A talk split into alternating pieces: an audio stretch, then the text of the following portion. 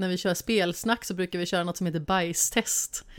Vilket då innebär att man går in på Fröken Ur och liksom på varje femma eller tia så säger man bajs. Jaha. Och första gången jag gästade spelsnack, alltså jag trodde att det var ett skämt. Och jag som är, just när det kommer till sådana grejer kan jag känna mig lite barnslig, så jag satt ju typ och fnissade mig igenom hela det här bajstestet då. De får skylla sig själva om man ska säga bajs.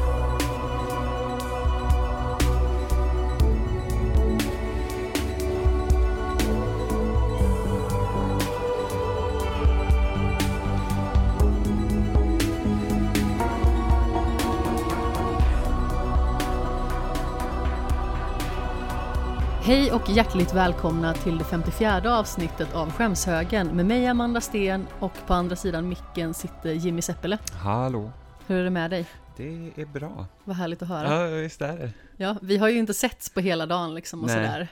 Så det är svårt att veta då. Ja, vi pratar inte med varandra när vi Mm. bor ihop heller. Nej, vi pratar enbart Det är svårt att veta. för att annars har vi inte så mycket att prata om. Det ska vara lite jobbigt. Ja, men precis. Vi måste hålla oss hela dagen så vi verkligen har något relevant att säga. Ja, så är det. Men vi sitter inte här ensamma, utan eh, inte på andra sidan Sverige, men på andra sidan en lång skog sitter Niklas Intorn. Hej! En lång skog. Ja, men det är väl en ganska så lång skog ner till Skåne kan jag tycka. Eh, ja, ja kanske. Ja, just det. ja, just det. det är ju men jag brukar alltid säga på andra sidan skogen eller på andra sidan internet. Då kände Ah, jag att Det är eh, ett långt internet mellan, mellan er och det är ett Skåne. långt internet. Ja. Absolut. ja, det är väl eh, två och en halv, tre timmar internet ungefär. Mm, det kan det nog vara. Men eh, du håller ju till vardags till på svampriket och härjar bland annat. Men om man inte har hört dig tidigare, vilket man förmodligen gör snarare än att har hört den här lilla obskyra podcasten. Kan inte du berätta lite om dig själv?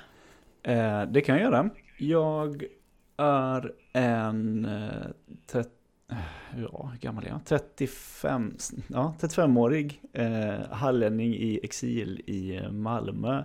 Eh, som bor här med eh, eh sambo och och eh, barn i ett svennigt radhus. Och eh, jobbar som journalist på, eh, på jobbet. Och hänger då alltså på sajten Svampriket på fritiden. Ehm, som säkert flera som lyssnar känner till. En sån där sajt som gör saker om spel, poddar och streams och sånt. Ni har ju ett väldigt brett spektrum på svampriket tycker jag. Alltså det är ju ett utbud som eh, är ganska så svårmatchat tycker jag. Ja, och eh, spretigt kanske. Nej, det tycker jag absolut inte. Ja, alltså, jag tycker att det är väldigt roligt att ni har så himla mycket grejer för er. Det känns som att det finns något för alla om man är intresserad av spel framförallt då. Det är ju lyxen när man är ganska många som vi är. eh, Men ändå inte är liksom en sajt som är någon slags vinstdrivande på något sätt. Och har något företag och sådär och annonsörer och skit att svara till. Utan vi gör bara fan vi vill. Känner vi inte för att skriva recensioner. Utan typ prutta dem istället så gör vi det. Och det är väldigt skönt. Ja, men sen så har ni liksom en ganska så bred skara med personer som har olika åsikter, även om ni har samma värdegrund. Mm, precis. Det är ju såklart ett medvetet drag. Vi vill ju inte vara elva stycken av samma person liksom. Det är väldigt tråkigt att vara stöpta i samma form. Ja, verkligen. Det, det finns ju ganska många sådana ställen redan där det är ja, men, mer eller mindre liknande eh, personer som hänger. Ja men precis. Och eh, vi har ju kallat hit dig och egentligen skulle Tobbe Fix också vara med som ju tidigare har gästat Skämshögen ett antal gånger. Men han fick lite förhinder så han får komma tillbaka på ett annat besök i en snar framtid. Men idag så hade vi ju tänkt att primärt då prata lite om ja, men, hur det är i liksom, olika typer av förutsättningar i livet. Mm. Eh, Jag och Jimmy till exempel, vi har just flyttat ihop och vi spelar ganska så mycket både parallellt och tillsammans och konsumerar mycket populärkultur i allmänhet ihop. Och eh, både poddar liksom i en spelpodd och gör den här podden oftast vi två tillsammans. Visst har ni eh, till och med eh, liksom, två tv-apparater i, i vardagsrummet? Så Ja, att men det ni kan stämmer. spela varsitt spel samtidigt? Ja, vi har full uppsättning eh, TV, Playstation 4, Xbox och eh, Switch. Det är ganska, det är ganska dedikerat ändå måste jag säga. Ja, men det är liksom en ganska så rolig grej skulle jag vilja säga för att vi har ju så lika intressen men vi vill liksom inte behöva krocka med varandra om vi inte känner för att konsumera samma sak utan det kan liksom vara att men för ett tag sedan så var jag lite småtrött om eftermiddagarna eller ja, det är nästan varje eftermiddag för jag börjar jobba så himla tidigt men då låg jag och kollade på någon form av cooking showdown på Netflix medan eh, Jimmy spelade vad det nu kan ha varit. Och det kan ju liksom vara väldigt eh, mycket sådant och vi begränsar inte varandra på det sättet genom att eh, ha liksom full uppsättning. Och sen vissa saker spelar vi parallellt också. Det, ja, Så- det låter ju det låter smart. Jag tänker att vissa som kommer att hälsa på kanske blir lite förvirrade. De kommer in i vardagsrummet och så, två av allting. Ja, jag kan tänka mig det också. Jag kan nog tänka mig att eh, många tycker att vi kanske är lite knasiga i bollen och sådär. Lite obskyra människor som eh, har för mycket teknik i hemmet. Ja, men, men fan, eh, det är ju våra intressen liksom. där Som är lite knasigt. Säkerligen. Om någon gnäller på våra två tv-apparater och så har de typ en skärm i kylskåpet då, då tycker jag att då får man inte klaga. Ja, En men skärm i precis. Det kylskåpet. finns faktiskt kylskåp som har typ sådana här små typ displayer som man kan typ fixa temperaturer och allting och sådana saker. Finns, till, Någon hade ju typ fått Skyrim att köras på ett kylskåp. finns det till och med sådana som har eh, liksom en- display eh, och en kamera på insidan så att du inte behöver öppna eh, dörren om- för att titta vad som finns i kylen. Utan du kan titta på en skärm som om du hade hade ett fönster på din kyl. Det, det är ju totalt onödigt. Verkligen. Det är inte precis som att det är en kraftansträngning att öppna Åh, kylskåpet. så mycket energi jag sparar om jag slipper öppna kylskåpet. Ja, men exakt. Ja, det är väl precis säljargumentet då. Sparar så mycket el. Typ. Ja, man bara, Men, äh. men då kan man ju typ göra en transparent dörr mm. och alltid se vad man har i kylskåpet. Ja, Men precis, en sån som man har på typ gymmet så att man kan eh, se alla sina shakes och gurkor och grejer. Ja. Kan man se den här gurkan börja mögla och man bara åh. Den där borde jag slänga någon den. dag. Ja men precis. Inte idag. Eller så, eller så tänker man så här, idag öppnar jag inte kylskåpet för jag orkar inte hantera den här mögliga gurkan. Out of sight, out of mind. Eller vad säger man? Precis. Jo, säger man. Ja.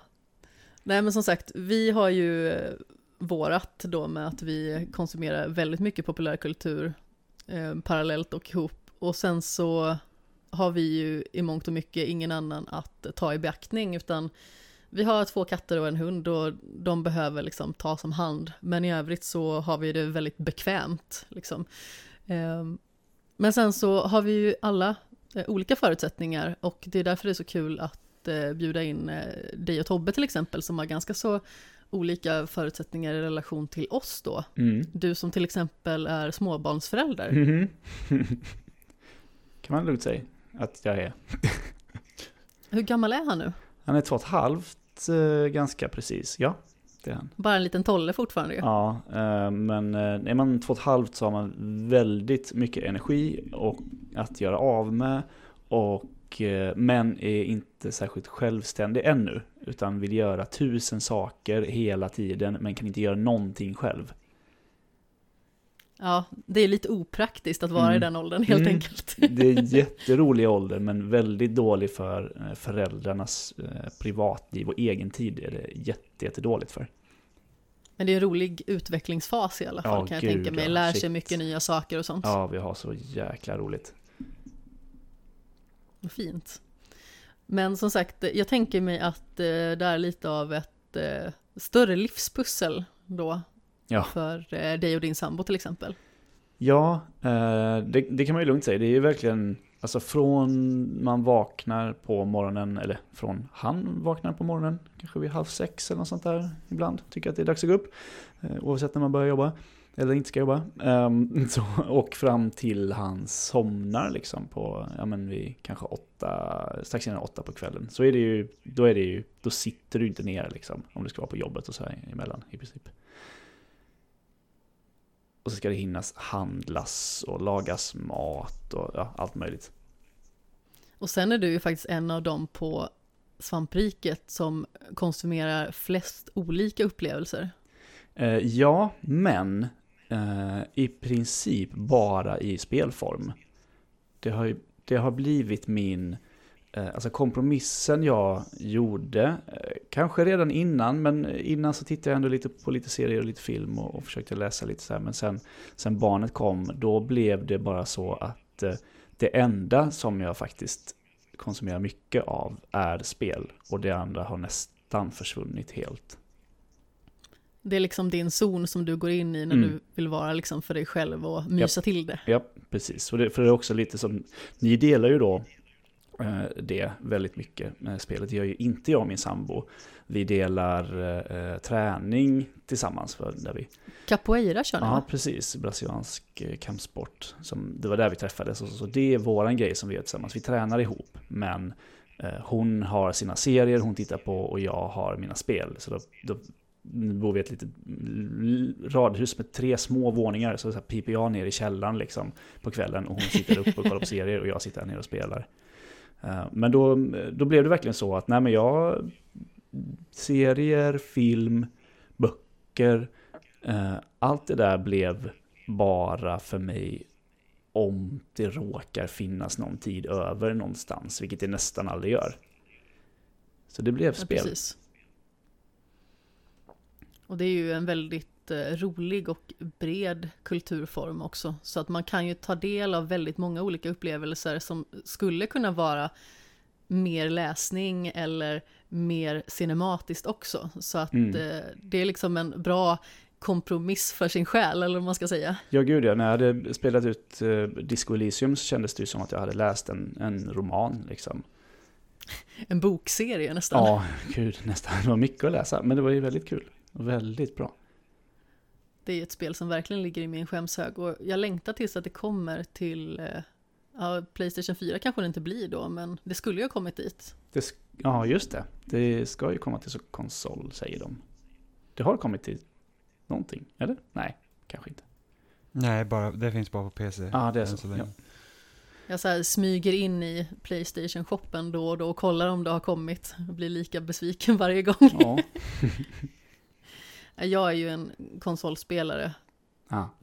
utan tvekan och eh, spelar nästan aldrig på PC utan det var lite förr när jag hade en laptop som klarade av det. Jag minns att det första spelet jag spelade riktigt dedikerat eh, när jag började komma in i spelsvängen nu för, kan det vara, eh, sju år sedan, åtta år sedan nästan.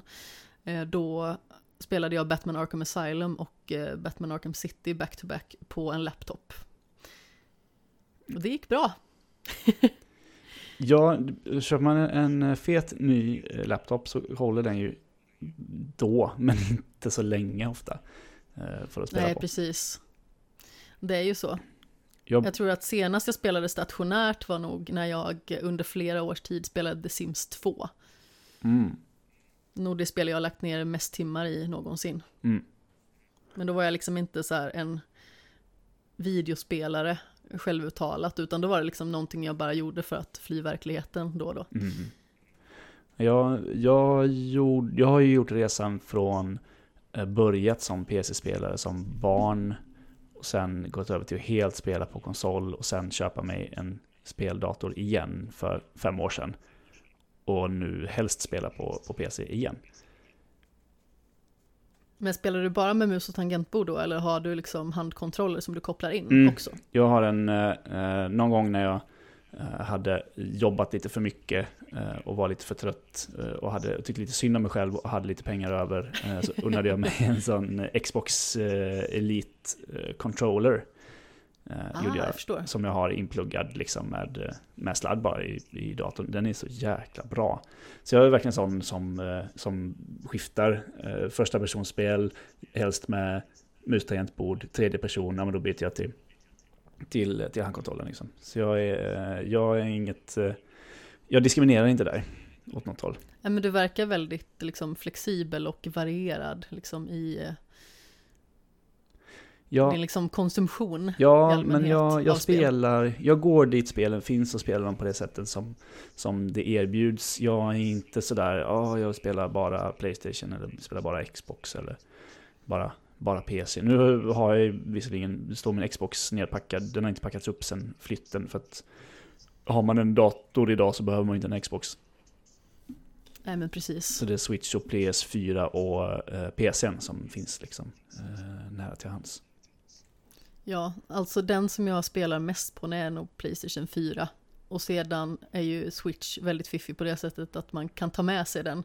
Så när jag åker till jobbet och jobbar i Göteborg då, vissa dagar, då har jag med den så att jag liksom kan få en liten stund för mig själv eh, mellan kontor och klasser och klienter och även på lunchrasten och sådär. Det är väldigt smidigt på det viset. Mm, jag har väldigt mycket nu på sista tiden plockat upp den så här en kvart på, på lunchen. Liksom. Käka, käka snabbt, käka på tio minuter och sen spela, eh, ja, men, nu har det varit Hades då, eh, i en kvart liksom, innan det är dags att gå ner från matsalen igen.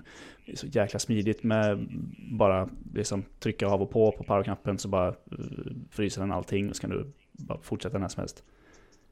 Det är ju väldigt bekvämt på det viset, liksom att man känner att man behöver inte avsluta det man håller på med Nej. på samma sätt som skönt. man har behövt göra i många andra fall, utan det är liksom bara så här, ja men nu trycker jag på den här knappen och sen kan jag återkomma precis där jag var innan. Superfiffigt. Och man kan lita på den funktionen, vilket jag inte riktigt tycker att man kan på de andra konsolerna. Jag, jag vågar inte riktigt använda Suspend på PS4 för att det har hänt mig för många gånger att det, spelet har kraschat när jag ska starta upp det igen. Men det har aldrig någonsin hänt mig på, eh, på Switch tror jag. Okej, jag brukar ofta köra viloläge på Playstation 4, mest för att jag är lat, tror jag. Alltså det är en ganska så dum grej att vara lat i, för att det tar inte så extremt mycket längre tid liksom att starta upp konsolen och att sedan starta upp spelet. Men jag vet inte, jag är så bekväm i det där att jag trycker alltid på viloläge. Ja, det kan ju vara så att det är min PS4 som är lite på upphällningen också, att jag inte riktigt litar på den. Den låter som en hel jumbojet och liksom, jag tror att den ska smälta genom golvet ibland. Och det händer konstiga saker. Men, men den också, jag har ju eh, i ganska många år, i sju år eller något sånt där, har recenserat i snitt ett och ett halvt spel i veckan, året runt. Och majoriteten av det på PS4, den har gått extremt många timmar. Så det, det är liksom, jag fattar att den mår lite, att den är lite trött nu.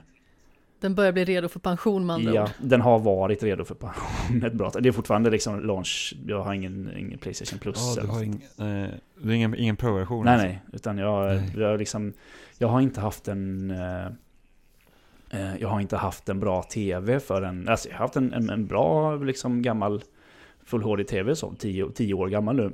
Eh, Så det är först nu för någon månad sedan som jag uppgraderade till en så riktigt bra 4K-tv. Så jag har inte känt något behov av att byta PS4 bara för att få lite fler frames i princip.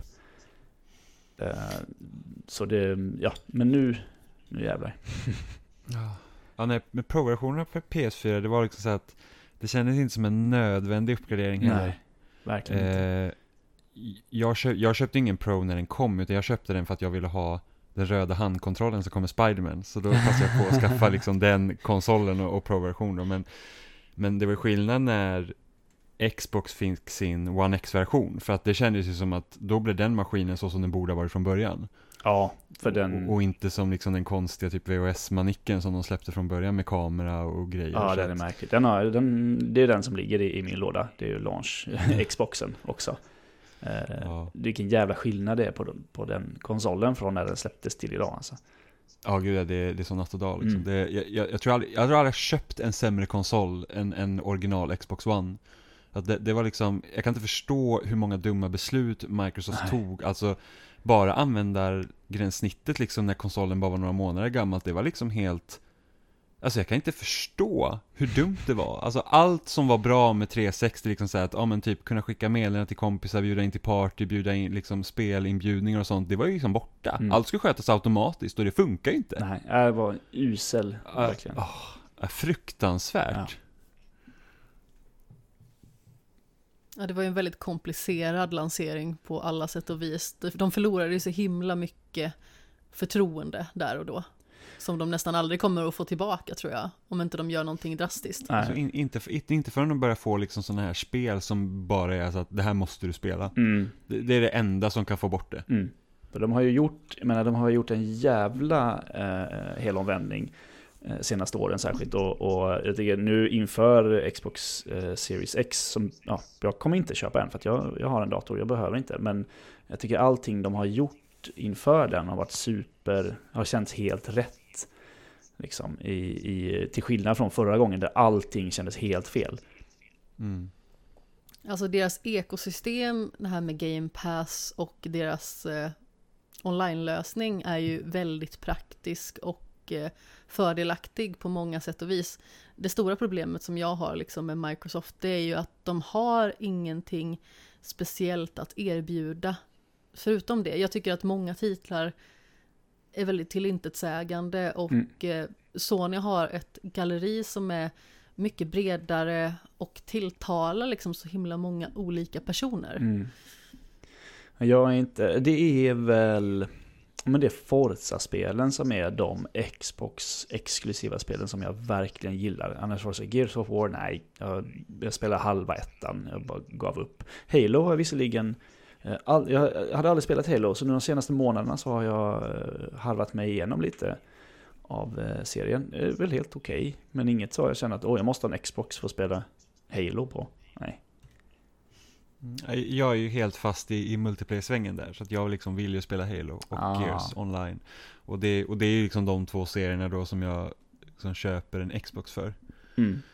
I princip. Men sen så spelar jag de flesta tredjepartstitlarna också på Xbox för att, alltså om man tittar på One X till exempel så den, den liksom kör spelen bättre. Och sen så är jag ju fast liksom i det ekosystemet, jag har alla mina digitala spel där och det följer ju med nu. Ja.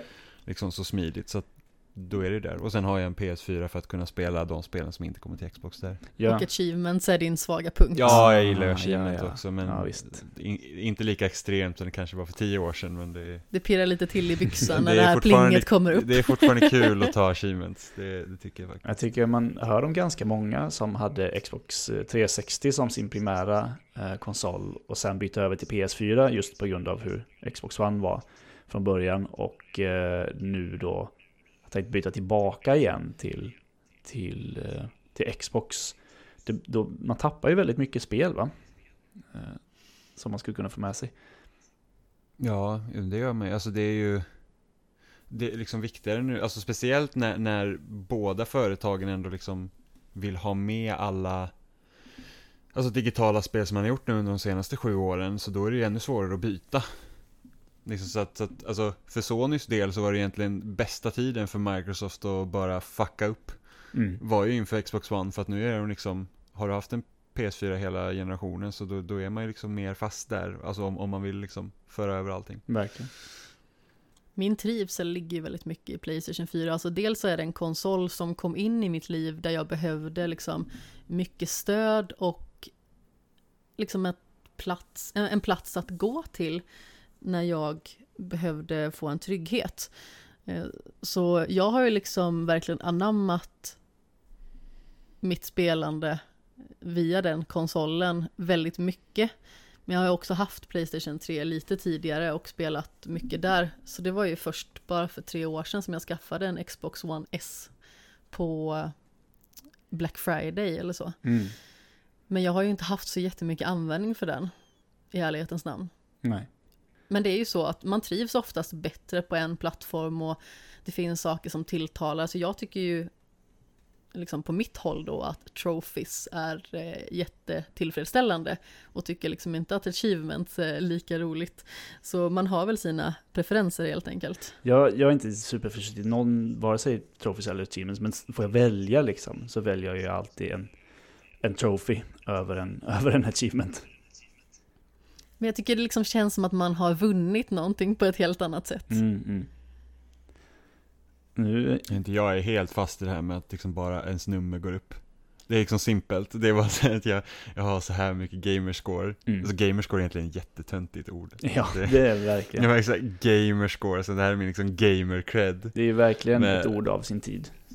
Ja, gud ja. Eh, men sen så det jag gillar med Trophy-systemet det är ju det att du har Platinum-trofén. Så det spelar ingen roll hur mycket DLC det kommer, har du liksom tagit allt i grundspelet och då, då visar det sig. Ja, och sen att Sony är så himla bra på att dela upp eh, när de listar liksom eh, trophies och sånt. Så du har grundspelet och sen så har du en egna kategorier för varje DLC så det är alltid lätt att hitta. Mm, Mm. mm. Det är smart. Jag har ju bör- börjat försöka ta Platinum i Celeste nu, så ska vi se Oh. hur den resan går. Gud. Det är ju ett av mina absoluta favoritspel, så jag känner ju liksom att eh, det hade varit roligt att ha klarat av den. Jag har en platina, det är den i eh, The Walking Dead som man får genom att klara spelet. Ja men precis. Jag tror inte jag har någon mer. Jag är ganska det, är här, det känns som en bra grej nu att bara ha en. Det hade varit lite tråkigt om jag hade fått en till och två är ju jätte... Jättekonstigt. Jaha, det vill man inte ha. Känns inte lika unikt. Nej, precis. Jag tror jag har åtta stycken och de flesta är sådana här lätta. Jag tror att den senaste var The Last Campfire som jag tog genom att bara liksom ja, puttra mig igenom spelet. Ja, det är också en jag sån gjorde där inget speciellt. där man får det bara genom att klara spelet va? Ja, alltså man kan missa vissa troféer under vägens gång om man liksom inte tar allting. Men jag tog allting per automatik egentligen. Mm. Och det är liksom inte så här, ja men du måste samla alla av de här, utan då är det de här små eh, forlorn som de heter, som man stöter på under vägens gång. Och där tog jag alla, just för att det kändes som att man skulle frigöra dem Mm. på något vis. Man ville göra det. Ja. Mm. Men vi har ju lite blandade punkter som vi hade tänkt att prata om idag. Och eh, bland annat då vad vi har för relation till våra skämshögar. Personligen så är skämshög för mig lite mer kärleksfullt förankrat. Det kan ju låta ganska så hårt med skämshög, liksom som att det faktiskt är någonting som man känner en hård skam över. Mm. Men för mig är det så här att ja, men de här titlarna, oavsett om det är spel eller vad det nu kan vara, har någon gång i mitt liv passerat mig förbi eller jag kanske inte hade konsolen som krävdes när jag egentligen hade velat spela det. Mm. Eller vad det nu kan vara. Det har liksom kanske inte funnits en tid eller en plats eller en möjlighet. Så jag känner egentligen inte någon direkt skam på det sättet utan det är liksom mest ett passande namn som hör till kulturen Mm. egentligen.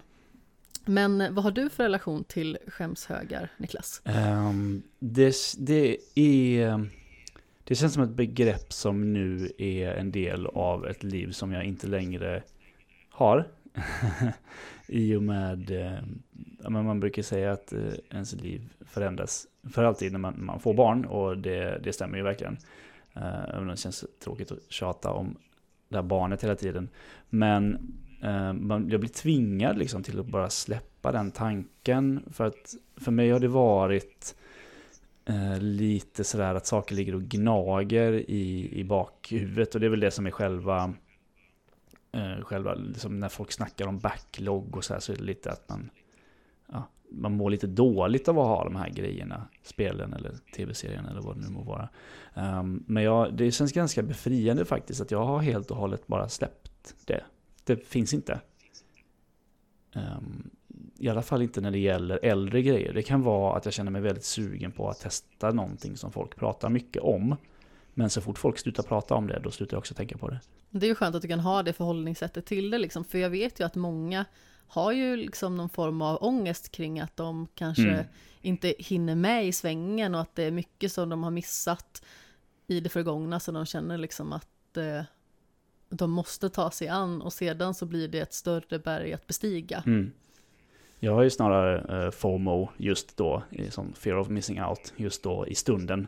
Eh, men som sagt inte så att jag känner att ja, men jag, jag har inte spelat eh, Gears of War 1, 2, 3, 4, 5. Det, det är helt okej. Jag behöver inte, ja, det är fine liksom. Men, men kan det också liksom ha mycket att göra med vad vi håller på med, liksom skriver och pratar om spel och sådana grejer, för man vill gärna vara med i konversationen Mm. och man vill liksom få ett så, så brett perspektiv som möjligt. För att jag har ju den liksom grejen så att om inte jag spelar någonting när det är nytt, då liksom, då glider det bak och sen så kommer ju nästa grej som är ny, så då får man prioritera det istället. Mm. Ja, men så känner jag verkligen också. Jag, jag är ju väldigt förtjust i, i nytt så hela tiden. Eh, också. Jag är ingen retrospelare som går tillbaka och spelar gammalt så, utan jag vill hänga med i det som är nytt och det som är spännande. Uh, har väl lite grann att göra med, med mitt jobb också som, som journalist. Liksom man, man skriver om saker som händer, om nyheter. Det är ganska sällan man skriver om saker som hände för 30 år sedan. För att det är någon slags så här, nostalgisk grej. Um, det kan nog ha lite med det, med det att göra. Så jag, ja, men det, nej, jag kan känna där och då när någonting kommer och alla snackar om det. Så jag, fan, jag borde, ah, jag borde spela men jag hinner inte. Uh, men så tar det då två veckor och så snackar folk om något annat som jag kanske hinner då. Och då bara, okej, okay, men då har, jag, då har jag förträngt det här andra, vad det nu var. Jag minns inte ens längre. Hittar du någon gång liksom en lucka att gå tillbaka till spel som du känner att ja, men det här spelet ville jag verkligen spela? Det behöver liksom inte vara att det är 10-20 år gammalt utan kanske bara något år gammalt. Mm, ja, men det, det hände faktiskt, som jag nämnde innan så håller jag på att spela igenom Halo-serien. För att jag var nyfiken, jag spelade Halo 1, eh, det kom ju på PC och sen så blev det ett konsol, en konsolserie. Och då spelade jag inte konsol, så då spelade jag helt enkelt inte Halo. Så nu med, eh, med Game Pass eh, som jag liksom som jag har. För att jag tycker det är en väldigt bra tjänst, även om jag bara har det på, på PC då. Så eh, tänkte jag, men fan, när Master Chief Collection då, jag kan väl springa igenom eh, lite Halo. Så kör de på enklaste, har spelat Halo 1, 2, 3 och Reach. Skrev mig på ODST. Eh, det hinns med ibland. Att man kan hitta så, ja, men jag kan hitta en halvtimme här eh, mellan det här recensionsspelet och att jag måste gå och lägga mig typ.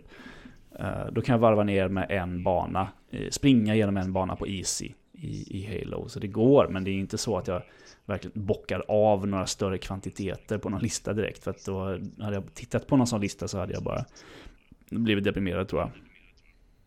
Det är ju där man bygger upp den pressen och stressen kanske, mm. skulle man väl kunna säga. Precis, jag tycker det känns, jag vet att folk har, det finns en sida, vad heter den, det finns någon back, backloggery, nej, jo.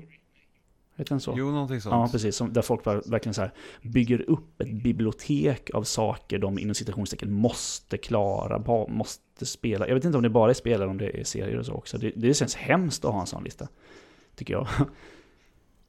Ja, jag vill ju nog inte riktigt känna ett tvång. Alltså jag vet ju väldigt många gånger att Eh, just Mass Effect som jag mm. inte har tagit mig an helt utan bara spelat en bit in i första spelet. Oftast får liksom mycket ögonbryn höjda när jag säger att det är liksom en serie som inte jag har blivit klar med. Och ibland så kan jag liksom känna att jag lovar lite för mycket när jag säger att ja, men den här ska jag ta mig an. Och jag vet att i början av det här året så tänkte jag liksom så här att ja, men i år är året jag verkligen ska spela igenom alla Mass Effect-spelen. Mm. Just på grund av att jag kände att 2020 var lite av ett mellanår fram tills att de nya konsolerna skulle komma.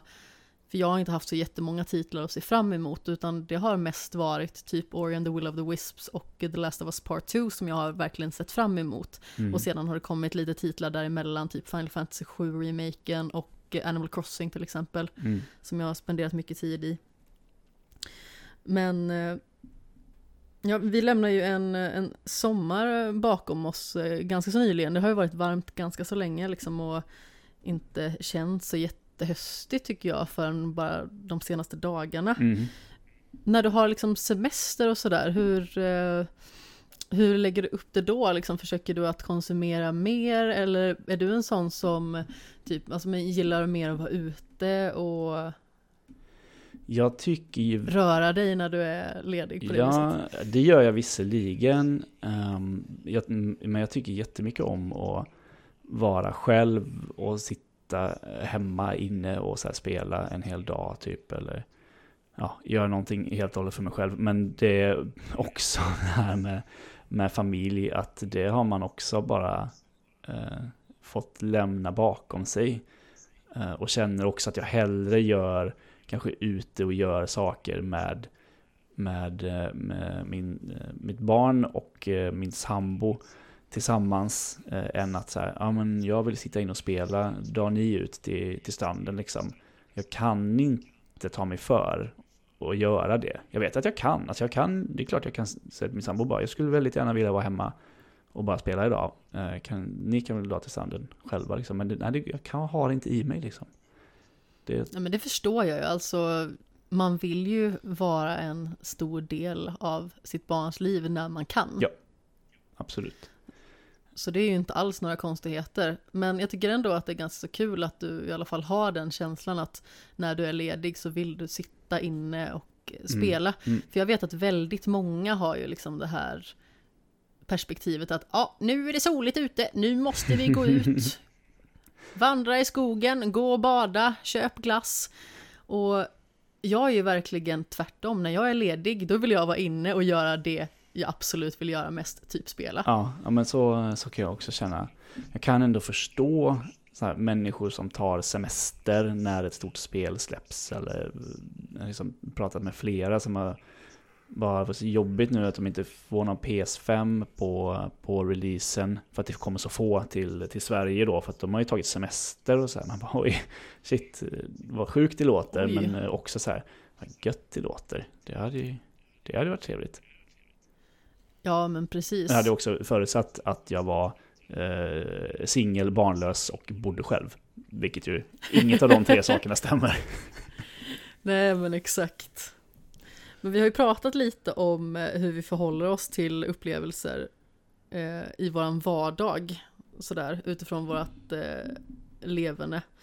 Eh, men Jimmy, du har ju studerat liksom i flera års tid. Hur har du liksom sett på spelupplevelser och eh, tv-serier och sånt som du har missat? Ja, alltså när man studerar så har man ju mellan varven väldigt mycket tid, å andra sidan, till att göra vad man vill. För att, eller ja, det beror på. Det finns ju de som liksom har gått samma utbildning som jag, som känner att oh shit, de måste sitta och plugga och det är liksom, de kör åtta timmar om dagen. Och man själv sitter så bara, "Ja, jag kanske kör två, tre timmar på förmiddagen och sen är jag klar. Mm. Eh, och då är det ju så att då har man ju kunnat ta liksom så här, speciellt under tid när det inte kommer mycket spel. Så då är det så här att, ja men då kan man gå tillbaka och, och liksom, nu spelar jag ett, ett äldre spel som jag har liksom inte spelat tidigare. Som att den här våren så drog jag igenom eh, alla GTA från trean till fyran. Men de hade väl spelat innan? Inte alla, jag hade aldrig spelat Vice City till exempel. Okej. Men det var liksom ett sätt för att, ja, nu spelar jag alla de här igen. Mm. Jag, har aldrig, jag hade aldrig klarat ut GTA 3 tidigare och det var säkert 15 år sedan jag spelade San Andreas. Så att det liksom, då fick man uppleva det igen. Och sen tidigare år så är det liksom så här, ja men kör igenom Silent Hill 1 till 3 med en kompis. Liksom när, när, när det liksom finns luckor för spel och så. Eh, för det finns ju alltid så att, åh, här är några spel som jag skulle vilja spela. Så här gamla klassiker som man liksom så här, det här har jag aldrig haft chansen att spela förut. Eh, som man kan ta tag i. Mm. Eh, men jag är också så väldigt så här, när man börjar få egna pengar och sånt när man flyttar hemifrån så blir det väldigt lätt så att åh det är rea, nu ska jag köpa massa spel. så jag har ju liksom typ hur mycket spel som helst på Xbox som jag har köpt via, via diverse reor. Var så att, ja men det här vill jag spela någon gång Ja. och sen liksom har det legat där i flera år.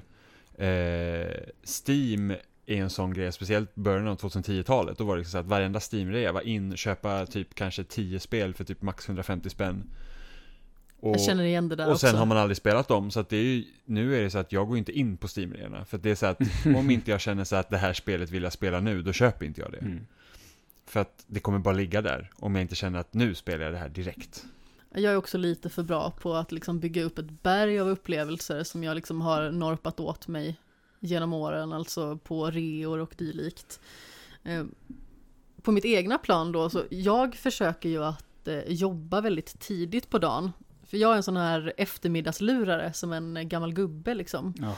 Tycker att det är fantastiskt skönt att ta en liten lur efter lunchen. Och den behöver jag oftast oavsett hur tidigt jag jobbar för att jag gillar att vara uppe sent. Jag tycker om att vara vaken när det är mörkt. Mm. Så att jag eh, går upp tidigt, jobbar sju och en halv timme i sträck oftast, slutar ganska så tidigt och på eftermiddagen äter lunch, tar min lilla lur och sedan så har jag helst en liten så stund för mig själv där jag sitter och spelar innan jag ska åka tillbaka till gymmet och kanske ha klass eller en klient eller egen träning och sådär. Så det är liksom en av mina luckor där jag liksom känner att eh, här har jag möjlighet att eh, konsumera extra. Då har man ju precis haft sin lilla lur och då känner man sig liksom oftast fylld med ny energi. Mm. Så det tycker jag är väldigt härligt att man liksom har en liten stund på dagen. För oftast när man kommer hem på kvällen så kanske man är lite tröttare och man har vissa bestyr som man måste ta sig an med att eh, laga mat och duscha och vi går ut med hunden och liksom sådana grejer och hushållssysslor naturligtvis som alltid finns. Så då känns det skönt att ha den där luckan på eftermiddagen till att eh, konsumera saker. Ja, den var länge sedan. Den luckan fanns. Låter som en dröm, att sova på dagen. Fan, jag sover inte ens på natten. Nej, men precis. Nej. Jag är ju stor motståndare till den här eftermiddagsluren. Jag tycker inte om att sova på dagen. Mm, nej, jag gör Hur inte det trött han heller än är. Jag blir, brukar bli så här, vakna och känna mig lite klibbig och uschlig. Och, Ja, Man känner sig helt förstörd sen. ja, och är Det en liksom zombie i att, en vad- timme vad liksom. Och Ja, vill bara gå och duscha typ. ja men precis. Så att, eh, inget fan av att bara somna mitt på dagen. Men jag har ju liksom haft den här rutinen ganska så länge, så att jag har väl vanan inne, eller vad man ska säga.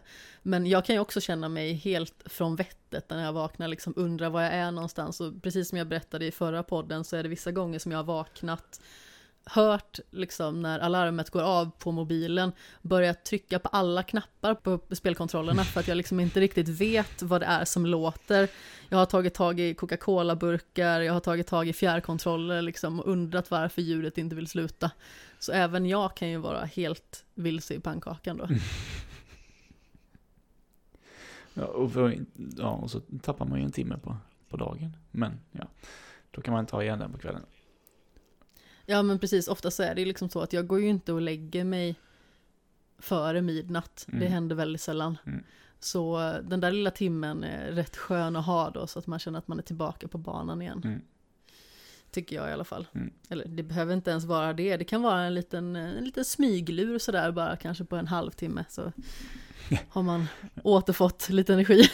Jag tänkte på det där med, med reorna. Det är, det är ganska sällan jag köper saker på reor eh, Eh, alls. Däremot så, så norpar jag alltid så här eh, Playstation Plus-spelen varje månad och eh, vad heter det, Epic Games Store-spelen varje vecka. Och alla, alla sådana här gratis grejer som jag bara så klicka bara. Eh, bara äg, äg, äg eller äg, låna. Eh, men eh, det är en sak som är väldigt skönt när man har blivit gammal och har ett fast jobb. Ja, du är ju så himla gammal Niklas alltså. det känns Kära någon. Men blir Vi är ju bara barnen här på den här sidan. Ja, men, men att så här, har gått från att vara student till att f- hanka sig fram på frilans och, och, och vick och sånt där till att ha en, liksom en fast anställning och veta hur mycket pengar man har och så här. Känslan bara att nej, men, jag behöver inte köpa det här spelet nu när det kostar 300 spänn istället för 400 spänn. Jag kan ta det sen när jag känner att nu kan jag spela. Uh, undrar om man inte egentligen sparar pengar på, på det sättet.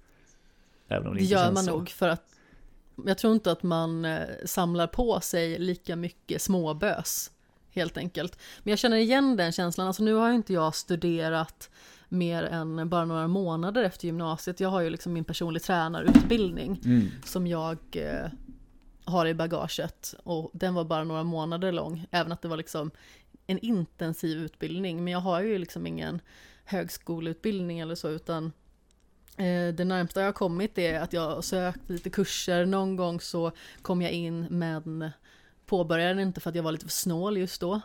Och eh, nu senast, i och med corona, så var det så himla många som sökte så jag var typ 74 reserv. Mm.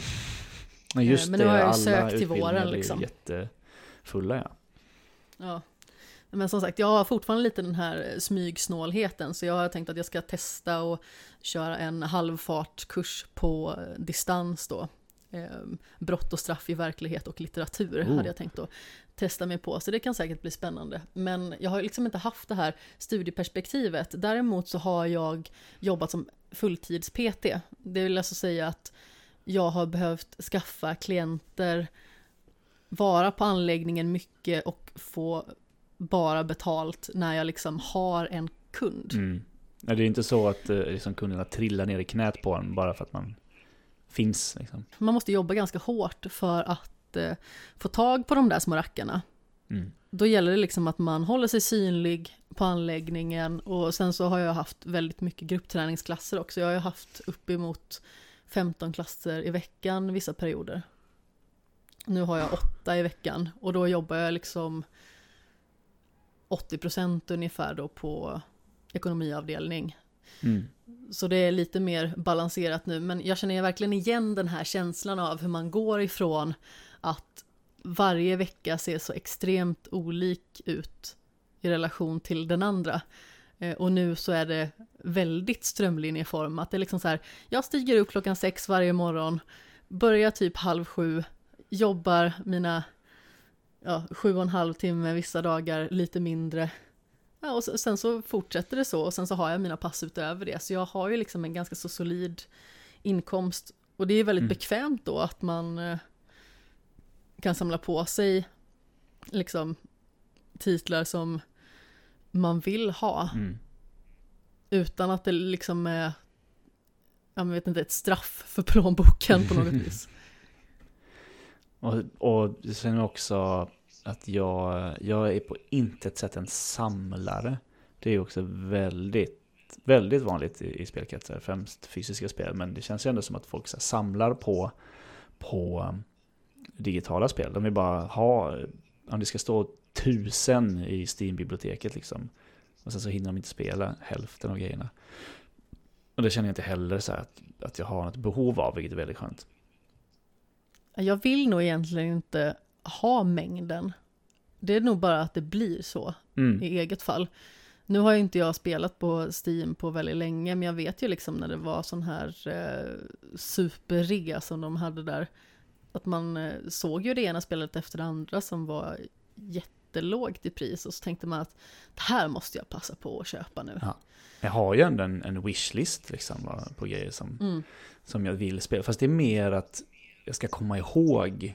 Eh, ibland så kan jag tänka så här, men vad var det nu? Vilket spel var det nu jag ville spela så mycket? Eh, och så, så kan jag kolla på den istället. Och så köper jag det då. Oberoende Ja men så har jag gjort på Switch också. Ja. Där har jag också en önskelista som jag eh, går igenom. Så när jag liksom har klarat ett spel så kan jag köpa någonting därifrån. Så att det liksom inte blir att Mm. man köper saker för köpandets skull. Smart.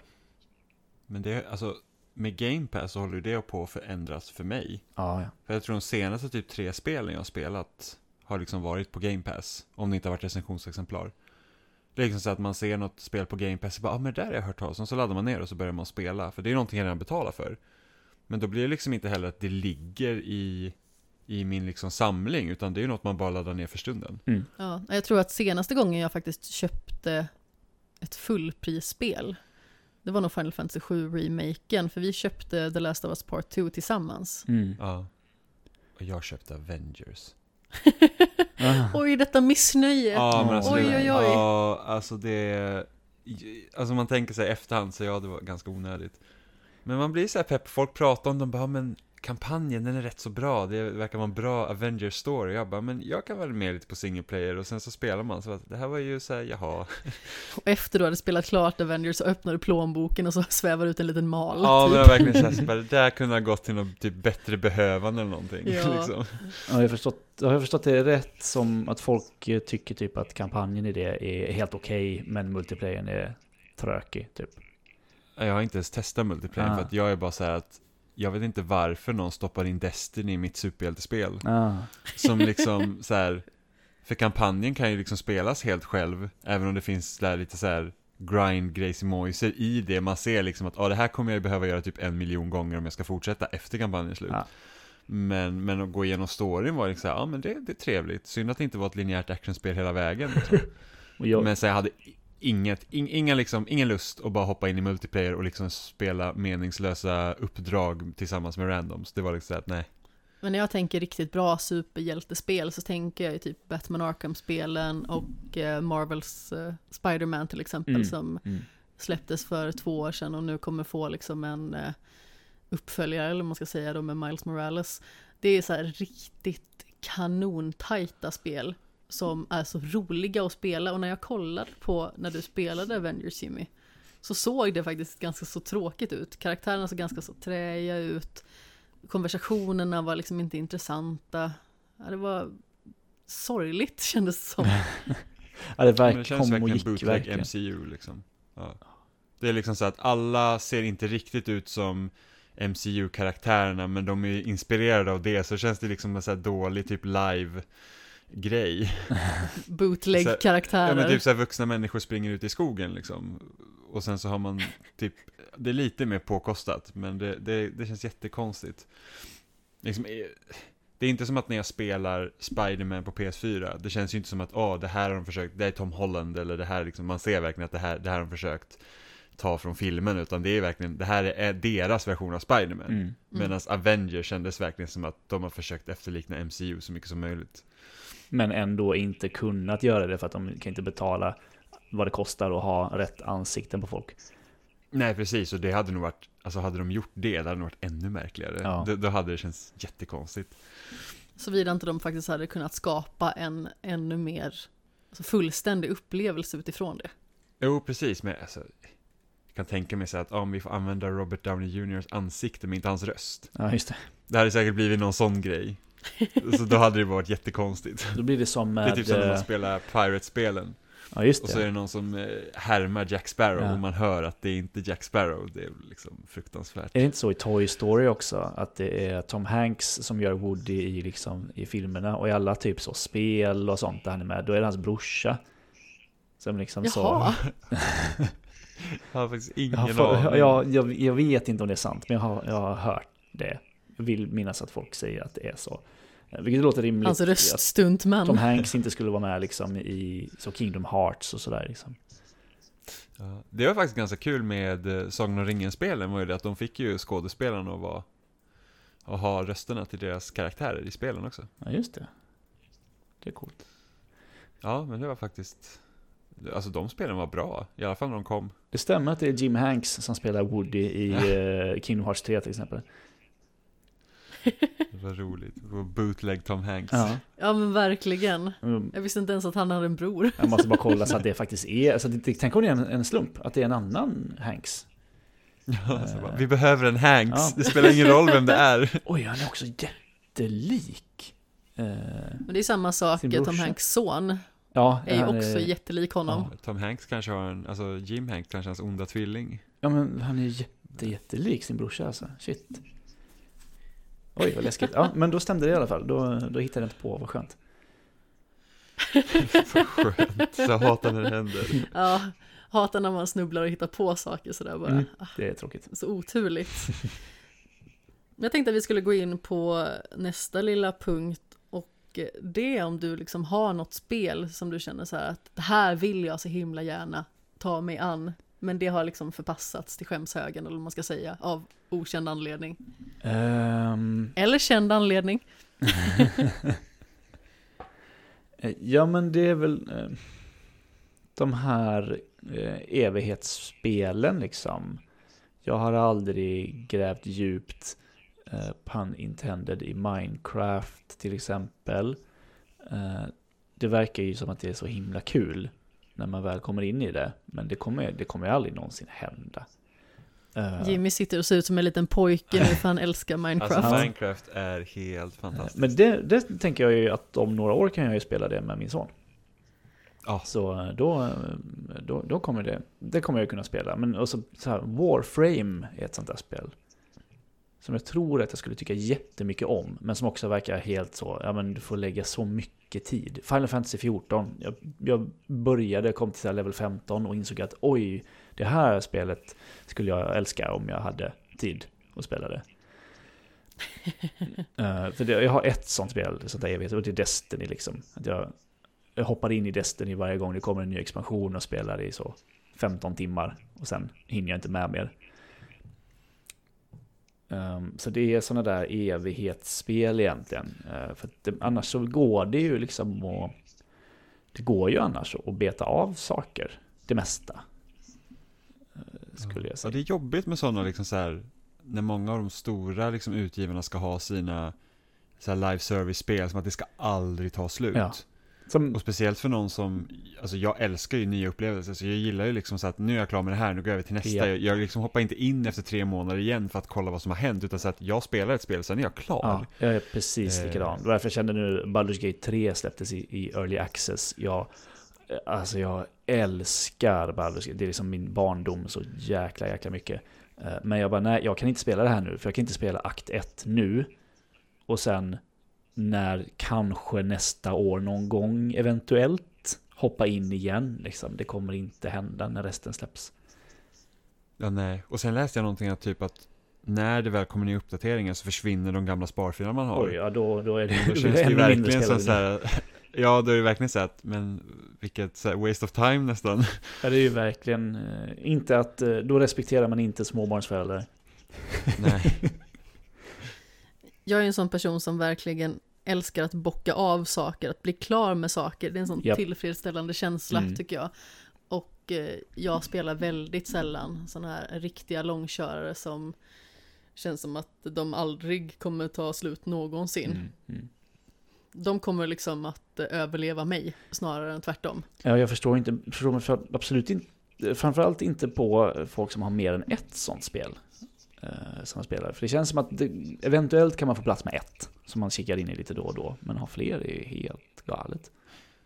Men det känns ju också att folk, de liksom så här att, om när Destiny kom till exempel, då blev liksom den typen av spel blev en grej. Mm. Och då var det som att man förväntar sig att alla som spelar Destiny, de ska vara intresserade av alla de här spelen. Så det blir lite Division, Anthem. Mm. Då ska de liksom hoppa över dit hela tiden. Och då tänker man, men det kan ju inte finnas så många människor som kan liksom vilja spela Destiny gånger tre. Utan Nej. de har ju Destiny redan. Det finns inte plats för hur många sådana spel som helst. Nu har jag visserligen spelat jättemycket både The Division 1 och 2, men de har jag liksom lagt bakom mig sen. Där hoppar jag Mm. inte in som jag gör med Destiny så här en gång varannan månad. Utan det är när det, när det kommer nytt.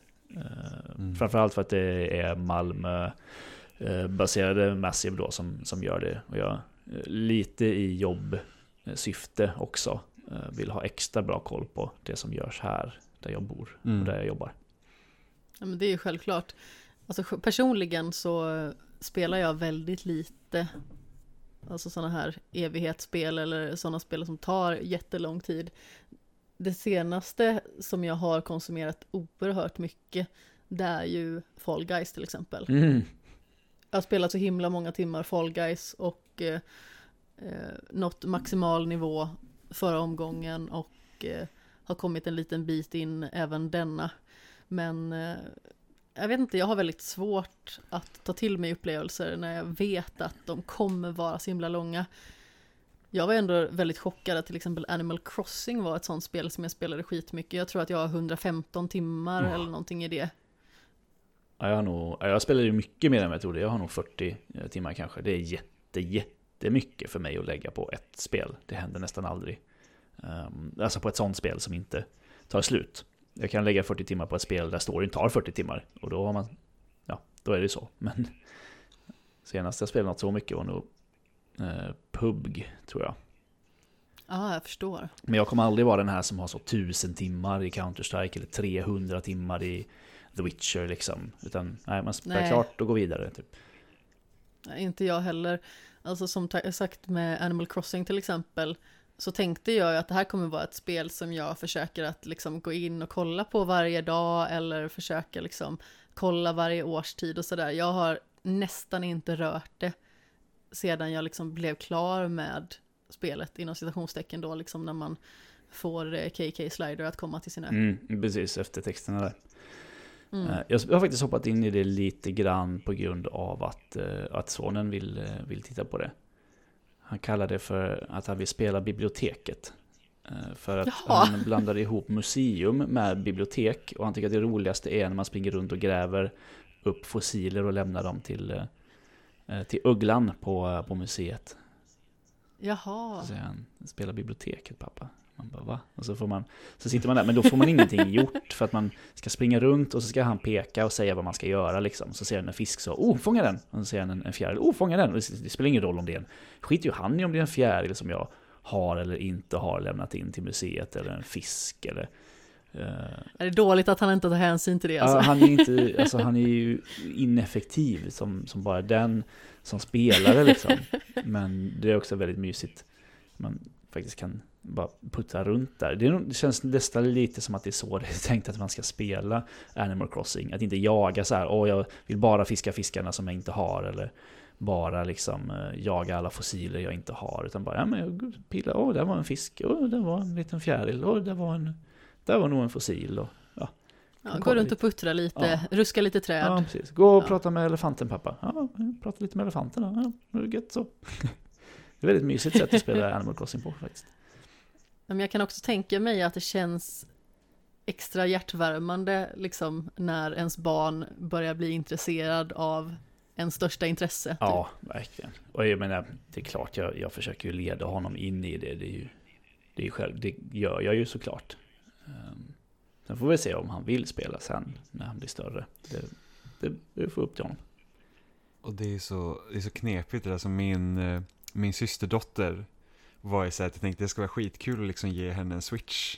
Liksom. Mm. Att hon ska få typ, och sen spela Minecraft tänkte jag, för det är så perfekt. Liksom. Jimmy ska hon, skapa ett monster, men tänkte hon, är, hon, hon fyller sju nu i november. Ja, Liksom. det så här, känns ja, men det börjar bli dags liksom att spela. Och sen hon typ spelar på en så här, inte hon har ingen iPad och någon annan läsplatta, men liksom som spelar på den. Och sen så sa jag till min syrra, men köp en Switch liksom, så kommer Mario Kart och Minecraft liksom, och, och sånt där, så det är skitkul. Och så fick hon då en Switch i julklapp förra året och min syrra var så nöjd, så ja men hon har fått det här och det är liksom jättekul och hon är inte ett dugg intresserad av det. Det är liksom verkligen så här, så bara, nej alltså hon har sin, hon har sin liksom surfplatta som hon spelar något så här typ, alltså någon jäkla så här utsugande app som någon har liksom skapat för att tjäna massa pengar på bara. Och man var så här att, ja, det var liksom så här den fina konsolen som hon skulle bli intresserad av.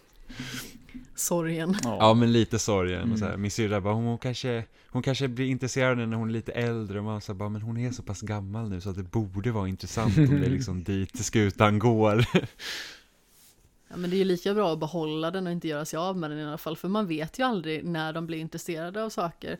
Och sen kan det ju vara så att jag vet ju personligen, så när jag i alla tider, oavsett liksom när jag var barn eller nu när jag är vuxen, när jag snöar in på en sak så snöar jag så jäkla hårt. Så får hon för sig kanske att ja men det här spelet det finns bara på Switch, det här har jag liksom snöat in på och vill ta mig an. Alltså då kanske det helt plötsligt kommer en dag när en Switch är perfekt för henne. Mm. Men alltså, sen, sen så är det en helt annan grej. Sade han med en suck. Ja, men, sen är det en helt annan grej för dem liksom att växa upp för att hon liksom älskar ju att kolla på eh, YouTube-videos med Roblox. Ja. Men det var så här, Roblox finns väl på Switch tror jag, men hon är inte intresserad av att spela det. Nähä. Men Det att titta på på andra också. som spelar det. Ja, men liksom titta på andra som spelar det, det är liksom det bästa som finns. Så, så var det inte när vi var liksom små. Det, liksom, att kunna bara titta på någon som spelar tv-spel liksom händer ju liksom inte. Mm. Då fick man göra det live. Ja, ja, man- ja, precis. Ja, man får se så här typ när så här syrrans eh, killkompisar spelar spel, får man sitta snällt och titta på liksom. Bara hoppas att man kanske får nudda kontrollen någon gång. Ja men precis. Mm. När de går och typ fikar eller Ja, någonting. eller hur? Ja, men så är svågens eh, ungar också. Eh, min sons stora, storkusiner. De är, vad är de nu, 11 och, eh, 11 och 7 eller 11 och 8. Ja, något sånt. Men de, det är också så, tittar ju mycket mer på, på YouTubers som spelar typ Roblox och Minecraft än, än spelar Mm. själva. Liksom. Särskilt den, den yngre. Tittar bara på när andra spelar Roblox. Så spelar han själv lite då och då typ.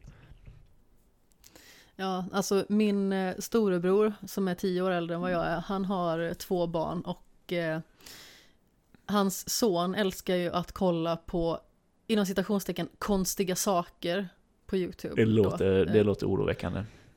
Ja men verkligen, det låter så. mer oroväckande än vad det är, Ja, men det är liksom Alltså konstiga tecknade saker antar jag.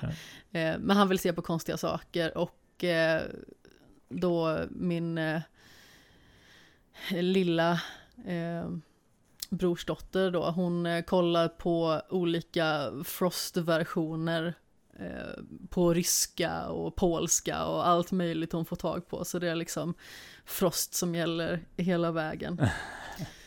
Men sen så har jag en kusin som är 13 år gammal och eh, han är lite intresserad av spel så ibland så får man lite frågor så när vi ses.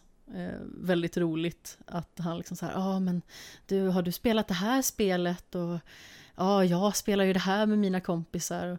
Det var väldigt roligt för att jag eh, hade fått recensionskod för Fifa Mm. för två år sedan.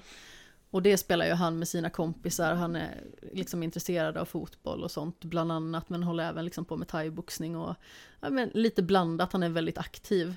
Och så i alla fall så var han så himla stolt när han hade varit och hälsat på min mamma och pappa, för att då kom jag dit med min Playstation 4 och så fick han spela Fifa. Så innan det har släppts. så då hade han liksom berättat det för sina kompisar på skolan då, att ja, ah, min kusin, hon är häftig, hon skriver om spel, Mm. jag fick spela Fifa med henne. Ballt. Alltså det var väldigt roligt faktiskt att se- sedd som häftig för en gångs skull. Mm, det är ju en, Yes. en, eh, cool grej med, med barn. Att man kan vara... Man behöver inte göra någonting särskilt för att vara, för att vara cool. Liksom. Man kan bara vara cool. Det är en, en häftig känsla. Ja, men precis. Jag tänkte att vi skulle gå in på huvudämnet för dagen och eh, prata lite mer om ett spel som eh, vi har tagit oss an den senaste tiden och som jag tror att alla håller liksom varmt om hjärtat. Och vi ska prata om Hades. Yes!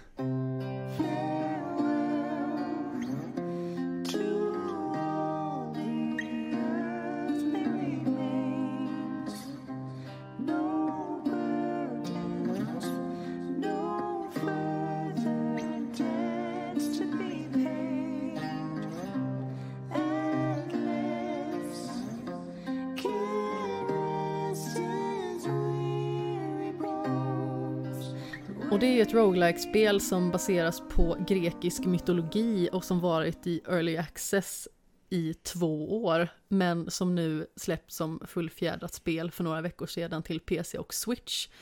Utvecklat av eh, Supergiant Games som också ligger bakom Bastion, Transistor och Pyre. Men vad handlar det här spelet om? Någon som vill ta taktpinnen? Uh, jag kan om inte, om inte Jimmy är sugen. Nej, kör hårt. Ja.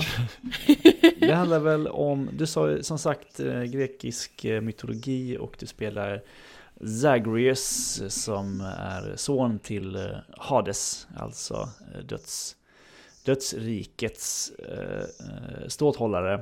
Och han, eh, han är väl lite av en så sur tonåring och ska mest rymma hemifrån. Han vill lämna dödsriket och ger sig iväg eh, Eh, tar med sig sitt svärd till en början och ger sig iväg och ska hacka sig igenom dödsriket då och eh, efterföljande domäner för att komma upp till eh, till, vad heter det, till, ja, men till den dödliga världen och vill väl ta sig upp till Olympus där hans släktingar då väntar, alla de andra gudarna.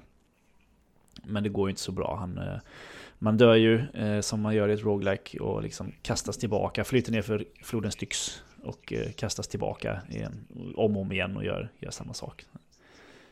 Ungefär så kanske.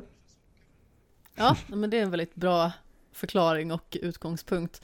Alltså, jag tycker att det är en så otroligt rolig premiss liksom att man är så jäkla trött på Hades. Vilken skithög det är, nu vill jag härifrån Ja, liksom. farsan liksom. Stygga farsan liksom. Vad sitter där vid sitt jävla skrivbord. Åh, tråkigt. Och hånar den när man dör. Ja. Ja. inte så, alltså inte, verkligen inte någon mönsterförälder direkt. Det känns lite som att det är typ en fotbollsförälder. ja, ja, lite så. Står bara och skäller vid sidlinjen liksom. Nej men eh, som sagt, det är ju ett ganska så svårt spel. Eller ett utmanande spel kan man väl säga. Och eh, jag tror att det här är nog det roguelike som jag har uppskattat mest hittills. Alltså nu har jag inte spelat någon enorm kvantitet av det, just för att jag inte riktigt har haft tid. Men jag tycker att det är så otroligt tillfredsställande. Kontrollen är så välfungerande och intuitiv och allting känns smidigt. Jag vet inte, alltså det är någonting med Supergiant Games och hur de liksom gång på gång lyckas skapa nya unika upplevelser. Man ser att det kommer från samma studio, men de hittar liksom nya vinklar och nya tillvägagångssätt. Jag tycker mig känna att Hades känns lite som eh, som liksom kum, kulmen av, eller summan av kardemumman av deras tidigare spel.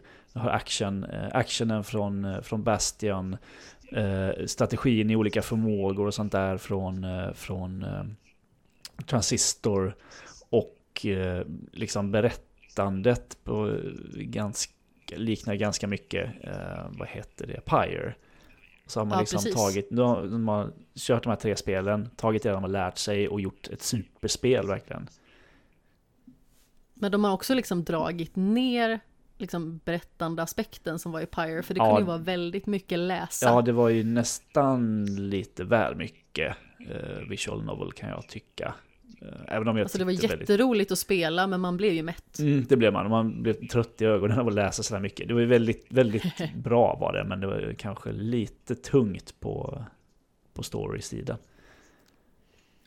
Ja. Vad har du för relation till de andra spelen? Eh, jag tycker väldigt mycket om dem. Eh, men till skillnad från typ alla andra så tycker jag nog minst om Bastion. Det brukar vara så att folk älskar Bastion. Och så, Transistor och Pi är också bra, men Bastian Bastion alltså, jag är nästan lite tvärtom. Jag har nog gillat Transistor bäst faktiskt. Ehm. Och Det är ju ett skämshögsok för mig. Alltså det är lite sorgligt. Jag började spela det och så fastnade jag på någonting och sedan har jag liksom inte tagit mig an det igen. Men jag tyckte att det var fantastiskt när jag spelade. mm, Men jag tror att Pyre på det stora i hela var en så stor överraskning för mig, för det var verkligen inte vad jag förväntade mig. Alltså jag har ju hört att det skulle vara lite så här sportbollsaktigt, men jag tyckte att det var så himla roligt. Det kändes liksom som att en vacker värld med intressanta karaktärer möter någon form av smyg-Fifa-aktigt. Ja, ja, Det kändes som att jag fick många bra aspekter i samma kaka. Mm. Ja, det är riktigt, eh, Mm. riktigt bra. Jag håller nog med om att Transistor är, är, är det bästa spelet de har gjort. Ja, och, om man liksom då bortser från Hades, för jag tror- tror spelmekaniskt tror jag Hades slår de andra spelen, för det känns så himla tight. Men Transistor, just det här med att, för att det, Bastion var ju väldigt intressant, de hade liksom intressant premiss och liksom hur de berättade den historien, men det kändes som att det kulminerade där i Transistor, liksom att de fick världen att kännas så himla levande. Att det, Mm. det var liksom inte, Bastion var lite lösryckt det här med att världen gått sönder och sen ska den byggas ihop igen eh, när man springer längs banorna.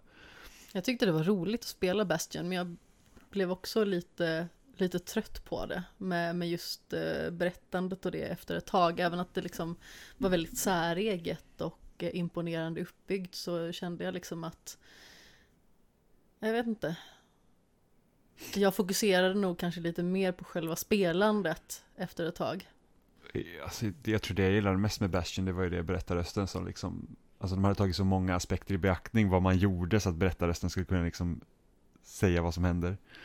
Som första gången när man går utanför liksom kanten och dör, och då var det så här bara, ah, och så gick han ut och dog Mm. där. Och så var det slut, och man bara, här, nej, så bara, nej jag bara skojar. Och så får man börja om liksom. Alltså det är ju roligt. Och, och det märker man ju liksom i Hades, hur mycket liksom dialog och text som är skrivet för det, för olika liksom situationer. Det liksom så att dör du på en viss fiende, då kommer det kommenteras att du har dött av den fienden. Eh, om det så är första gången som tionde gången. Mm. Som att jag vet att typ bossarna uppe i Elysium när man möter både tjuren och sen Ah. han Kul. superhjälten liksom så är det liksom man dör på den tionde gången så säger han när man kommer bloddränkt kommer ur den där jävla floden och så bara ah, ja men de är svåra det är liksom ge inte upp det är bara att kämpa på liksom så bara, Mm. jag vet Ja, ja de har skrivit, alltså det är inte så att man så här trycker igenom jättemycket dialog hela tiden i, i Hades, men det kommer liksom eh, pytsas ut små bitar här och där och de har, en, de har, det, de har skrivit jävligt mycket till det här spelet, även om det inte känns så. Det, det känns aldrig som att det är för tungt på, på textbiten liksom. Men jag tror anledningen till att det inte blir så överväldigande heller är just för att det är så himla mycket text som är valfri. Du behöver liksom inte trycka dig igenom flera, flera sidor av text för att komma till själva spelandet, utan du kan smyga förbi som om ingenting hade hänt och bara gå igenom nästa runda. Liksom. Men man är ju galen om man eh, springer igenom utan att prata med alla för att se vad de har för nytt att säga. Ja, alltså de har ju intressanta och roliga saker att säga, helt klart.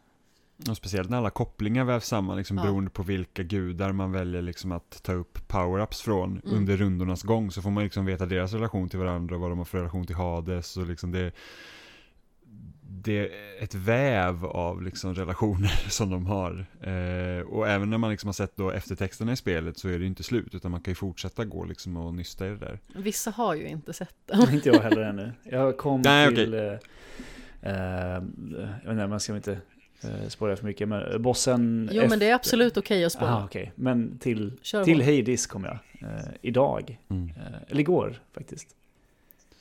Eh, gjorde jag. Eh, jag vet inte om det är, jag vet inte om, jag vet inte om jag har kommit till sista bossen, men jag har kommit till dit i alla fall.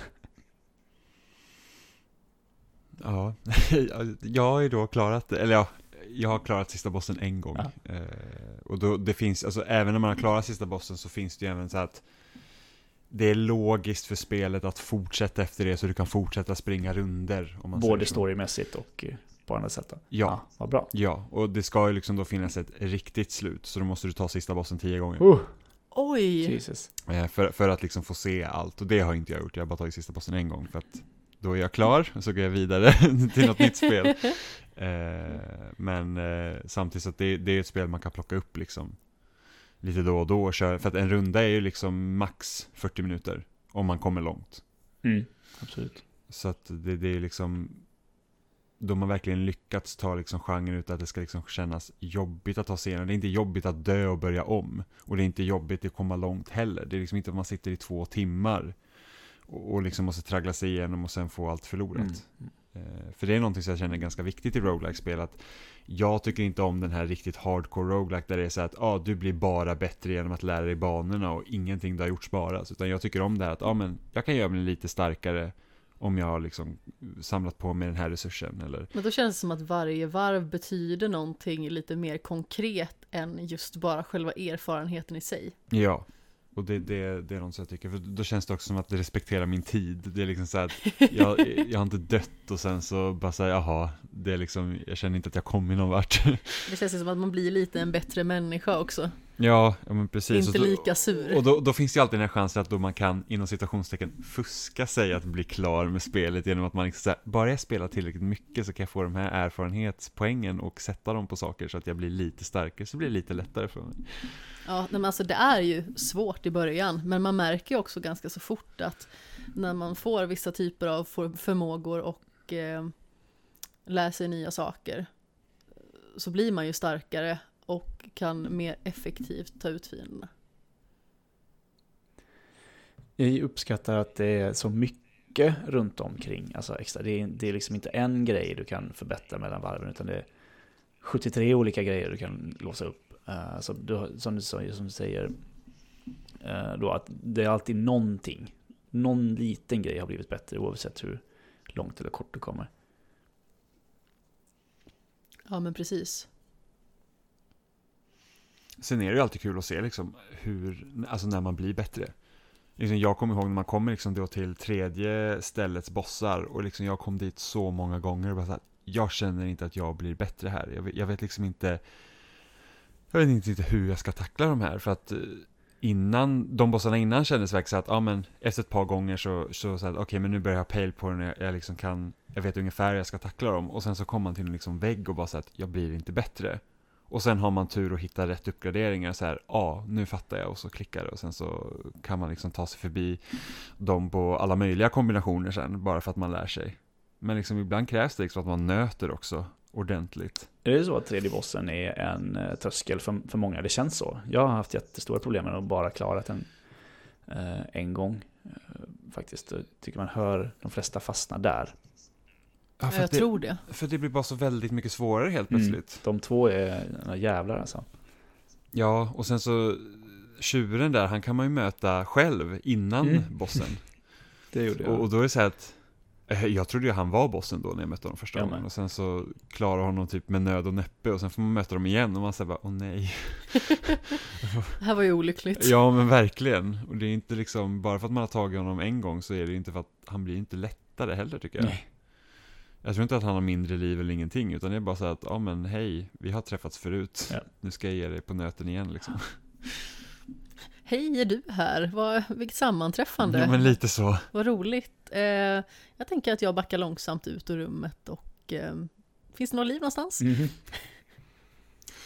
Men sen måste jag också säga att, att beroende på vilka gudar man träffar på under en runda så måste man liksom anpassa sin spelstil ganska mycket. Du kan inte säga att ah, jag kör alltid det här. Och sen så liksom kan man, kan man köra så. Det, det beror verkligen på vad man hittar. Och så får man liksom säga att okej, okay, men nu, nu är min specialattack starkare. Så då måste jag liksom lägga om min strategi så att jag använder den mer. Eller nu har jag hittat de här kombinationen av power-ups. Så att då måste jag liksom använda dessa attacker för att liksom vara så effektiv som möjligt. Mm. Men det är det som också gör att man blir mer skicklig som spelare för att man får testa många olika kombinationer och man måste anpassa sig efter spelet. Samtidigt som man liksom blir starkare också så man känner sig ändå belönad. Och det gör också att det blir roligare, liksom för att Ja. det blir en så stor variation i varje runda. Mm. Jag kör ju alltid på det vapnet som ger mer, eh, vad det nu heter, de här kristallerna. ja, som är typ experience. Ja, så att man får liksom bonus. Ja, så jag byter det, vapen 10% varje gång. Eh, det är jättesmart att bara ha den där grejen att ett vapen ger mer varje runda att det eh, rullar. För att annars hade jag nog typ fastnat på skölden typ och använt den alltid. Mm. Jag, jag fick en väldig förkärlek till spjutet. Just så att man kan liksom ha du kan strida liksom nära och du kan även slänga det på dem om du liksom behöver eh, få lite avstånd på dem. Mm. Så jag såg till att bli riktigt bra med det för att liksom kunna klara sista bossen. Jag har ju alltid en hopplös förkärlek till svärd, så eh, det råkar oftast bli att jag hamnar med det, men jag försöker att variera mig så gott det går, men ofta så hittar jag tillbaka till det Mm. ändå. Men det här är också liksom ett bevis på hur, hur bra de har designat spelet. För att liksom, jag känner väl att vissa vapen, typ den här pistolen som man kan ha, eller liksom stora geväret, det känner jag liksom så att det här vapnet vet jag inte varför liksom det finns här, för jag tycker det är så dåligt. Och så tittar man liksom på nätet liksom, och de bara säger nej men alltså det är typ det är typ det bästa vapnet man kan få så det blir en grenade launcher, och man kan typ ta ut bossar nästan på så här två, tre skott, och man säger shit liksom. Själv funkar det inte alls för mig, medan då, som jag sa tidigare, att spjutet är min favorit, och då har jag sett liksom andra säga, ja men spjutet är helt värdelöst, jag kan inte förstå hur man kan använda det, och liksom, så att liksom, det finns en så pass stor variation i arsenalen, så att Ja, och det, det passar, passar- liksom olika spelstilar och, och liksom man kan verkligen hitta sin favorit och liksom den här har sådana aspekter som gör att det blir liksom bra för mig. Så väldigt bra. Men vad tycker vi om karaktärerna i spelet då? Åh, Om vi börjar med Sagrius. han är, han, jag gillar honom. Han är, han är verkligen sån eh, sur tonåring. Han är väl inte tonåring men uh, verkligen sån sur eh, tonåring som bara rebellar och vill eh, göra uppror mot sina föräldrar. Eh, och, och är liksom han är hövlig men, men också så här, rätt skämtsam liksom. Jag gillar honom. Vill gå sin egen väg. Mm. Trött på att vara i dödstriket och vill någon annanstans. Ja. Se världen. Och sen så är då de andra eh, gudarna då, det är väl hans, eh, det blir väl farbröder och fastrar liksom, många va? De är väl syskon, eh, Hades och liksom Zeus och, och de här, är de inte det? Jo. Eh, så det blir väldigt så eh, Dionysus liksom, eh, vinguden, han är så partyfarbror liksom som bara ska, liksom, kom, när du kommer upp till Olympen ska jag bjuda dig på din, på din, på din första grogg liksom. Kom igen, det blir gött. Så. Men alltså, alla har ju skapats med sån enorm charm och de har ju verkligen spelat på alltså, alla grekiska gudars alltså, spets skulle man väl kunna säga. Mm. Så jag måste säga att jag älskar ju verkligen att möta Karon för att han, han har ju liksom ingen dialog. Alltså han, han bara typ, han är som en zombie liksom. Ett han bara, odefinierbart djur. Ja, men han typ, gur, han typ gurglar lite och så här, Sagrius har ju så här typ stora så här, långa konversationer och utläggningar för honom och så hör man så här, tillbaka. Så här, det tycker jag var så himla roligt. Jag tycker om Eh. eh, Dusa också, som eh, Medusa-huvudet som jobbar, eh, som städar eh, hemma hos, hemma hos dem. Mm, Ja. Ja. Jag tycker det är väldigt charmigt också, liksom att när man kommer in till Hades eh, varje runda, då ligger liksom Kerberos bredvid så får man klappa honom. Mm. Kerberos är mysig. Det är hans hund liksom, Ja. Sergers hund. Ja, men precis, lilla valpen verkligen. Ja. Verkligen. Men så samtidigt som hon, eh, eh, första bossen, nu kommer inte jag ihåg vad hon heter, men liksom att det, det är liksom, hennes jobb är att se till att du inte lyckas fly.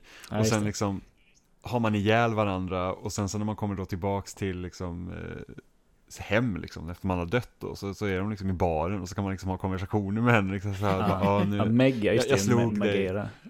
Precis, och bara, ja men den här gången slog jag dig, haha typ, och hon bara så här, åh gud, Det är lite så, ut, påminn ut och slåss inte. på, på, på slagfältet sen bara, ja men vi ses, vi ses i kafeterian sen då. Ja, ja, jajamän. Ja men precis, bara, åh, nästan så här, så här reenactment av så här, så här inbördeskriget i USA liksom. Ja. Så bara, ja, de slåss på dagen och så kommer det så här, ja men det var, du träffar min höft, det gör lite ont. Paff, jag blev först, första gången eh, jag kom dit och det inte var hon som var där. Jag bara, Ja, va? verkligen. Är här? Och så var det mycket svårare helt Ja, plötsligt. gud, det jag hade precis lärt mig henne.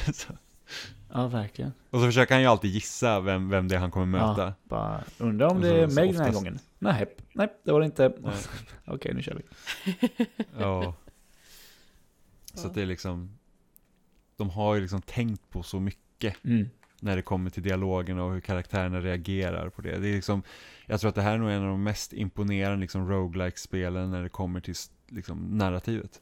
Det känns så. Alltså jag tyckte väldigt mycket om Dead Cells, men det här Ja. slår verkligen Dead Cells på fingrarna. Ja, jag älskar Dead Cells också och eh, framförallt så älskar jag eh, kanske inte riktigt lika mycket roguelike men Crypt of the Necrodancer och då deras andra Cadence of Hyrule Zelda-varianten. Eh, just för att Mycket jag roligt. älskar rytmspel också. Eh, men, eh, men Hades är, ja, Hades är alltså är något av det bästa jag spelat i år, tror jag. Jag Mm. tror att vi alla är ganska rörande överens om att det är uppe i toppen i år. Mm. Eller hur Jimmy? Ja, gud ja, det är, det är verkligen eh, kanon. Lätt topp 10 liksom. Ja. Jag skulle nog nästan säga att det är solklart topp fem för mig. K- ka- kanske. Jag Definitivt. har inte tänkt så hårt på den, på den topplistan än. Nej, gud. Nej, alltså det är svårt att sätta ihop spel i år tycker jag. Ja, jag tycker jag ändå har det ganska klart för mig, liksom, i alla fall topp tre. Jag har klart för mig Fall Guys. ja, men så det har liksom blivit ett sånt här spel som jag aldrig trodde att jag skulle ta mig an. För att det är så himla roligt att bara ta en match då och då. Och det är också himla roligt att bara förlora sig i det. Vi kan ju liksom fortfarande sitta i några timmar i sträck och bara spela Fall Guys. Mm. Och samtidigt så är det liksom så här. Det är inget som man behöver spela varje dag, men det blir liksom oftast en och annan match då och då. Bara för att det är mysigt på något vis. Ja, jag tröttnade på Fall Guys, tror jag. Också ett spel som jag bara har hoppat in i på grund av eh, sonen. Så vill titta på gubbarna. Jaha, Ja, gubbarna springer och hoppar, säger han. Bara, ah, vänta nu. Uh, han handlar väldigt mycket om att dechiffrera vad, vad, vad han menar. Um, så, ah, just det, Fall Guys. Ja, det kan vi titta på. Jag tror stor anledning till att vi också fastnar så mycket för Fall Guys är just att vi kan spela liksom samtidigt. Ja, just Och det. liksom att kunna Det titta på varandra ja. och... För att jag kände så här, efter, efter, vi satt liksom, när det var precis nytt, så satt vi liksom hela lördagen efter att det hade släppts och så här spela Fall Guys. Jag var så här, ja men nu, jag känner mig mätt. Jag har liksom, nu, nu har jag liksom sett vad det här spelet är för någonting. Jag vet liksom inte riktigt om jag ska fortsätta för jag känner liksom att det är för stor slump, man kan inte liksom bli så bra på det liksom att det känns som att, ja men nu vinner jag på grund av att jag är duktig, utan det blir liksom så att det händer någonting som man inte har tänkt på och så åker man ut på grund av det och det känns orättvist. Mm. Men sen så släppte det. Och det är liksom bara så att Fall Guys har liksom blivit det spelet så att jag vet inte riktigt vad jag ska spela. Jag kan lika bra köra några rundor i Fall Guys. Mm. och vips så gick det två och en halv månad typ. Och vi spelar fortfarande Fall Guys liksom flera gånger i veckan. Ja, vi eh, spelade till och med med våran eh, kompis eh, Stefan som gästade här för eh, två avsnitt sen blir det ju nu. Och eh, körde i säkert två och en halv timme i, i söndags eller sådär. Så, Oj. Jag tröttnade efter 20 minuter på det. Ett par rundor sen så, ja, nej. Nu är det inte så kul längre. Och sen så igen och igen och igen. Nej, Det är så roligt, alltså jag blir typ glad och exalterad av den här nya uppdateringen också liksom att nu kommer det lite nya banor och så behöver man lära sig dem. Ja, det är himla roligt. Ja, det är i små, små doser. Små Men du sa, nu tar jag hellre, när jag har den lilla tiden bara så tar jag hellre en, en Hades-vända eller kanske en, en liten Tony Hawk vända. Det går ju också snabbt. Mm. Ja men precis, Eh, Tony Hawk har jag liksom inte tagit mig an själv. Jag har sett både Project 8 och eh, är det Proving Grounds det heter? Mm. De spelen har jag sett jättemycket spelas.